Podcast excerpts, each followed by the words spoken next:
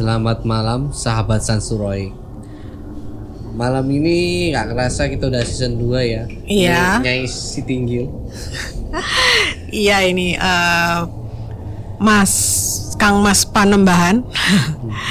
Em, malam ini kita udah mulai bacain untuk email yang masuk ini ya ke satsuroy@gmail.com. Eh, judulnya Gadis Bermata Merah. Wah serem banget ini. Iya. Dari Dari siapa ini? Pristia Effendi Pristia Effendi. Effendi Ini Mbak atau Mas ya? Pristia kalau namanya kelihatannya sih Mbak kayaknya ya. cowok nih Mas Cowok ya? Oh. Pristia Effendi Bukannya cewek ya, Pristia? Nggak- Enggak, enggak disebutin. nggak disebutkan ini Anda menyebutkan diri dia Oke, oke. Iya. Dari Pristia Effendi, terima kasih untuk kiriman cerita mistisnya. Oke, eh, bisa kita mulai bacain aja ya. Oke langsung aja Nyai si Tinggil Iya. Membacakan kisahnya Siap, Kang Mas Panembahan. Hmm, saya mulai ya. Cerita mistis ini baru saya unggah. Terjadi tepatnya sudah 13 tahun yang lalu. Masih teringat selalu apa yang saya temui dan saya alami. Waktu sudah larut, saya baru pulang dari tempat kawan yang berada di daerah Tanah Merah Sayur. Jalanan sepi banget seperti biasanya. Angin malam yang dingin membuat mata ini tambah ngantuk.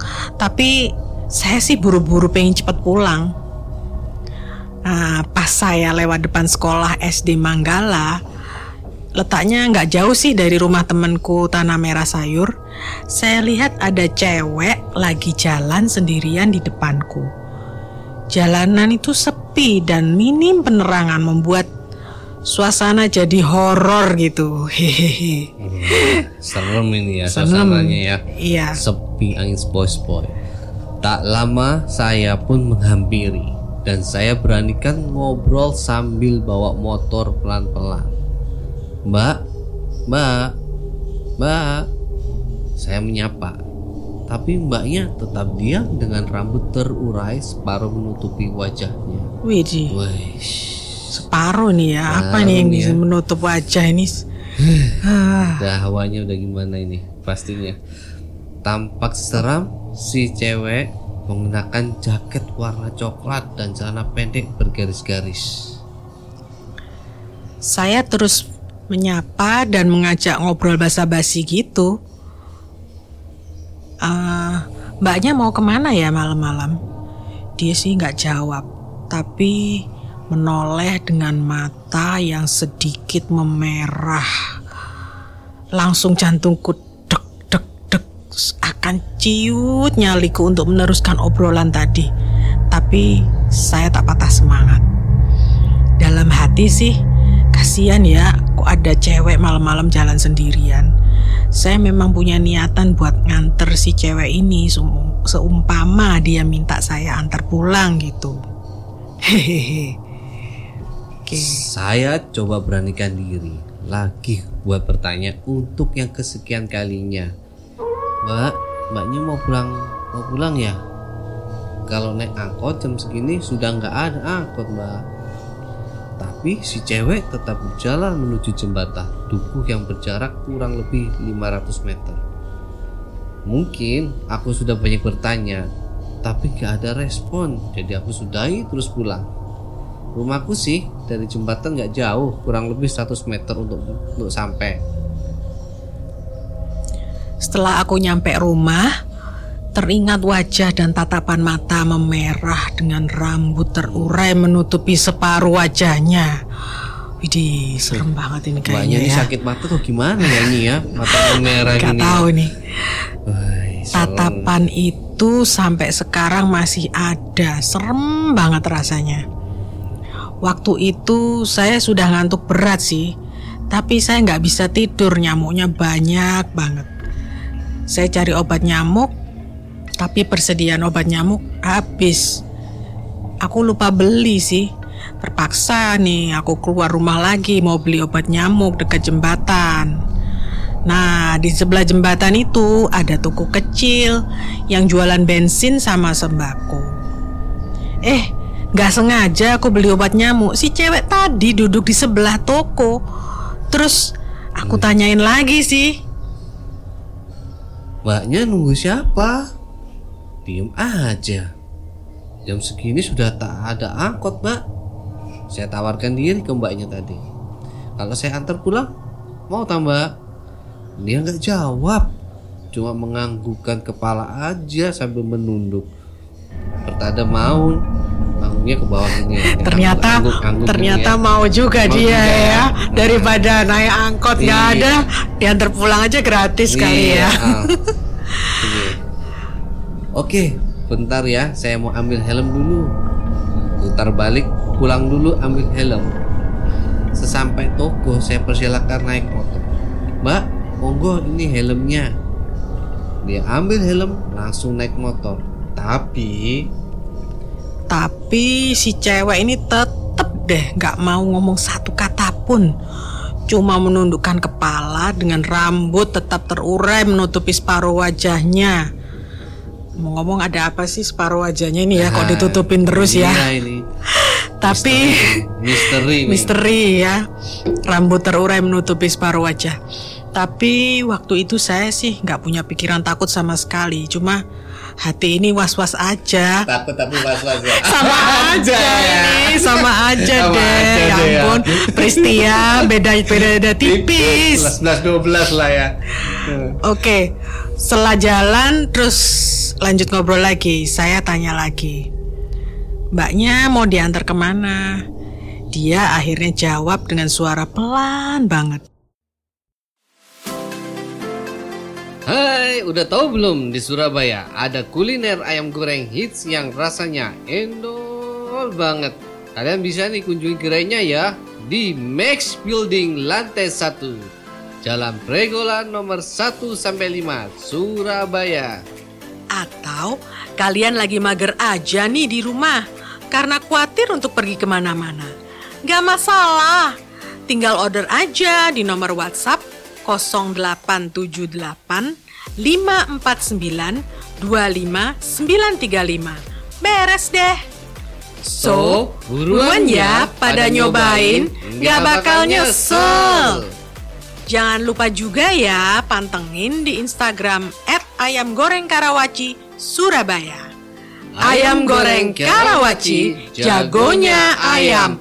Hmm.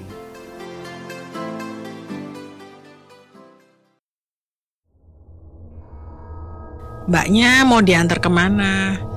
Dia akhirnya jawab dengan suara pelan banget di sana. Eh, pelan banget. Di sana, Mas. Sambil tunjuk ke arah barat. Mungkin di sananya agak berat kali Mbak suaranya, Mbak. Coba Mbak di Mbak di sananya gimana, Mbak? Di sana, Mas. Gitu kali ya. Iya gitu ya. Oh, berarti ini ini ketahuan nih. Berarti Pristia ini cowok. Ini Mas kan? Nah, Iya, Mas. Ah. berarti Mas Oh, Pristia. bener kan, cowok Cowok berarti. Mas. Ah. Saya lewat jalan Kenjeran. Oh, Surabaya berarti kejadiannya. Oh, Kenjeran ini ya. Oke, Wih, oke. Surabaya. Saya lewat jalan Kenjeran. Selama di jalan raya, saya ajak ngobrol. Tapi selalu diam. Tanpa kata-kata. Pas nyampe pasar Atom, dia tunjuk lagi ke arah Ampel. Saya ikuti kemauan si cewek. Selama di jalan si cewek nggak ngomong, cuma main tunjuk-tunjuk aja. Ah, mungkin dulunya bukan mandor kali mbak ini ya. Main tunjuk-tunjuk. Iya. Emangnya itu ya apa ya?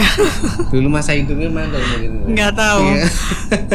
Kayaknya sih mantan bos gitu kayaknya Iya, ya. Bisa jadi, bisa jadi. Oke. Akhirnya begitu nyampe jalan Perak Barat, dia nunjuk lagi ke arah SMA Hang Tuah yang berada tepat tepat di sebelah pura sembayangnya sembayang orang Hindu. Pas di tikungan pura, pundak saya dipegang minta berhenti. Saya tanyain lagi, Mbak, kok berhenti? Dia mengangguk. Rumahnya di mana? Dia tunjuk gang di seberang tikungan. Akhirnya si cewek turun, tapi sempat ngobrol sebentar. Saya beranikan minta nomor HP dan menanyakan nama si cewek. Saya dikasih nomor telepon sama namanya. Saya masih ingat namanya Desi. Waduh, ternyata punya nomor HP juga ya. Ah, Desi namanya. Oke. Sudah sebut nama saya. Save nomor teleponnya. Nah, sama Eh, ya, udah disimpan dulu. akhirnya sama Pristia sama ya. Pristia disimpan nomor si Desi tadi nih ya. Si cewek nggak pamit. Saya menoleh ke kanan, si cewek udah ngilang. Saya sempat turun. Mau lihat dia tapi gangnya agak gelap. Ya sudah, mungkin dia sudah masuk rumah. Saya starter motor terus pulang. Waktu nyampe JMP saya berhenti sebentar.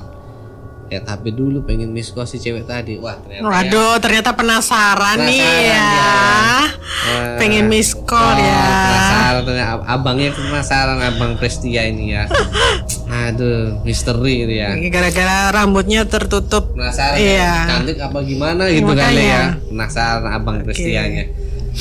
Waktu saya miss call, kok langsung diangkat. Pertama suara diangkat. Sunyi. Pertama sunyi suaranya, nggak ada suara ya. Lalu saya dengar banyak suara anak-anak kecil dan banyak tangisan bayi. Saya matiin dah teleponnya. Merinding semua rasanya bulu kuduk saya. Saya lanjut pulang. Ini berarti telepon ke salah salah sambung berarti ya. Pan- panti asuhan atau ke mana ini kok? Nah. Banyak tangisan apa rumah sakit? Ini, Ini ya. bayi. ini. Rumah sakit Nah, anu bayi-bayi. iya ini. Wah, Terus lanjut di tempat kerjaan. Saya punya teman kerja namanya Pak Hasim. Nah, kebetulan rumah Pak Hasim sam ah, Hasim ini sama masuk gang di sebelahnya pura itu tadi. Saya tanyain deh sama Pak Hasim, Pak di gang sampean ada anak namanya Desi ya? Kenapa? Tanya Pak Hasim. Saya tuh tadi malam jam satuan nganter cewek loh turun di tikungan pura masuk gang rumah bapak itu. Terus Pak Hasim jawab gini, di gang situ yang namanya Desi sih nggak ada. Saya tetap ngeyel tapi ditanyain lagi ciri-cirinya si cewek tadi. Terus saya bilang, pokoknya rambutnya itu sebahu, terurai, menutupi separuh wajah, pakai celana pendek garis-garis, terus pakai jaket coklat. Pak Hasim menjawab, waduh, kayaknya yang kamu antar bukan manusia, tapi hantu. Wah. Wadaw. Ya jadi jatuh cinta nih kelihatannya Bang Iya. Prestia nih sama Mbak Desi tadi. Eh tapi bisa jadi tetap loh Kan ada juga yang jatuh cinta sama hantu Oh gitu ya, Iya. bisa ya. Wah, jadi kayak drama-drama gitu dong. gitu Iya ya. dong kayak di film-film itu loh Kan ada tuh film-film Oh ghost iya iya, oke oke oke. Kayak film gue zaman dulu ya. Iya. Anu kendi tuh ya. Ah, ah. Jatuh cinta sama hantu Oke, oke. Bisa kan Oke oke bisa jadi bisa jadi. Sedikit cerita Pak Hasim, katanya seminggu yang lalu nggak jauh dari gang itu ada pembunuhan. Waduh Ditemukan sesosok wanita ciri-ciri persis apa yang saya sebutkan. Ma, deh, langsung inget inget matanya yang memerah dan ternyata saya semalam bonceng arwah, Arwah bukan manusia. Ya ampun. Keren. Berarti baru seminggu itu ya pembunuhannya itu Iya, Oke oke oke Beruntung Mas Prestiani ya. Terus nomor telepon yang sempat aku simpan dan aku kasihkan ke teman yang aku kasih cerita. Coba, oh jadi dia ngasih lagi ke temennya ya Oh, telepon itu. oke. Terus coba di telepon ada tetap ada suara tangisan bayi laki dan anak-anak. Oke, begitulah pengalaman misi saya. Kurang lebihnya maaf kalau dalam penulisan bahasanya amburadul. ya nggak apa-apa. nggak apa-apa. Terima kasih Semuanya banget untuk Mas Prestia. Prestia. Ceritanya seru nih ceritanya. Oke banget nih. ceritanya. Jadi eh, mungkin begini ya, mungkin dia eh, mungkin ada apa ya karena dia mungkin meninggalnya Penasaran karena ya, pembunuhan. Dia mungkin ya mau mau apa ya? Ada mungkin ada pesan yang ingin disampaikan bisa mungkin jadi ya. Mbak. mau minta tolong sesuatu mungkin, mungkin didoakan mungkin bisa minta jadi ya. didoakan terus mungkin yang membunuh itu ya mungkin Belum bisa mungkin ya, ya. mungkin belum ketemu, Ketemu ya. dia minta tolong lah sepertinya untuk ditemukan nah mungkin. cuman yang ini yang bikin bikin penasaran nih ta- an- apa suara anak-anak kecil terus tangisan bayi itu siapa ya ya itu ya nah itu dia itu misteri kan Gak Mas Has- Mas siapa? Prestia nggak mau coba ngelacak Ya. nih rumahnya nih. iya. Gimana itu masih yang yang penasaran. yang apa itu mungkin keluarganya atau apa ya? Itu Ya. yang yang masih masih nggak nggak nggak apa ya? Nggak masih miss lah di di cerita ini ya. Kalau sosok wanita tadi yang disebut di pembunuhan mungkin ya itu dia kan mau menyampaikan pesan. Tapi yang ini loh yang yang suara tangisan bayi dan anak-anak ya mungkin ada ada kelanjutan ceritanya kali ya mungkin ya mungkin bisa next jadi ya oke untuk Mbak Oke. Desi semoga arwahnya tenang di alam Ya, sana di dimensi yang diterima. berbeda diterima ya Mbak ya Ya, eh, diterima semua amal ibadahnya. Oke. Oke, oke, sahabat Sansuroik, eh, saya rasa cukup untuk cerita malam ini di Ya. dengan judul apa nih si tinggal? Gadis bermata merah. Oke, selamat Ya. malam sahabat Sansuroik. Dan ditunggu lagi ya, sahabat Satsuroik untuk kiriman cerita-cerita mistisnya ke satsuroik at gmail.com. Oke, terima kasih. Selamat Assalamualaikum malam. warahmatullahi wabarakatuh. Assalamualaikum.